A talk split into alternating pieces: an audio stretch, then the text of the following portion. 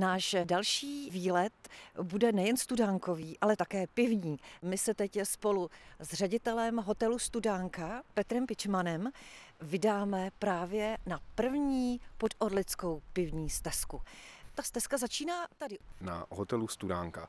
Vede krásným přírodním lesoparkem Lesem Včelným a pokračuje k městskému pivovaru Rychnovskému, ale pokračuje pozor nejen tam, ale navazují na to nám i několik cyklostezek po dalších pivovarech zde v regionu, ať už do Dobrušky nebo do Počtejna, který je nedaleko. Mohu se občerstvit z té studánky, protože ta voda je pro vás tady velmi důležitá. Skoro by se dalo říci, že by to mohlo být i lázeňské místo. Ano, Studánka, ten pramen Studánka, podle toho se jmenuje náš eh, hotel. Všechno díky tomu pramení tady právě na tom místě vzniklo před takřka 300 lety.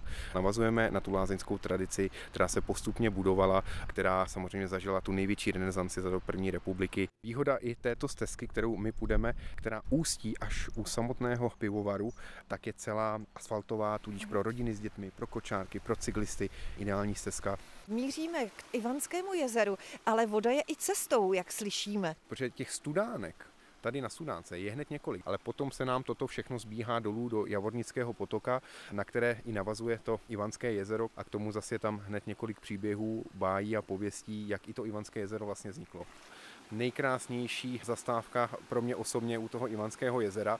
Nejenže můžeme spatřit tamhle na druhé straně sochu vodníka Kristiána, ke kterému se váže zde legenda. Možná zajímavost, před několika desítkami let zde byla nádherná plovárna a jak vidíte, je déšť, ale nestojíme tady na přehradě sami a je tu poměrně mnoho turistů, protože velmi rádi do toho včelného chodí za každého počasí. Teď jsme s panem Petrem Pičmanem přišli pozdravit zdejšího vodníka. Datuje se k roku 2002. Přičinili se k tomu jak pan Pavel Ješina, což byl hajný lesa včelného, ale i pana Sršně, který vlastně z toho pískovce, toho Kristiánka vyrobil, aby mohl to Ivanské jezero nadále hlídat. Od Ivanského jezera kolem dalšího toku, to je Javornický potok. A míříme k té Ivanské skále. Jdeme po té první pivní stezce, někdy nazýváno i cyklostezce. Jak tedy ta pivní stezka vůbec eh, vznikla? Letovisko Studánka, jak ho rádi nazýváme, bylo znovu obnoveno díky manželům Burjanovým. Ten impuls právě přišel od paní Burjanové, která se propojila s panem Mikšem. Pan Mikš je vnuk zakladatele Lichnovského pivovaru a řekli, že by opravdu chtěli propojit Studánku s pivovarem tím Rychnovským, ale pozor i těmi dalšími regionálními, jak jsme si řekli na začátku protože historie studánky a pivovaru má jedno společné, je velmi bohatá.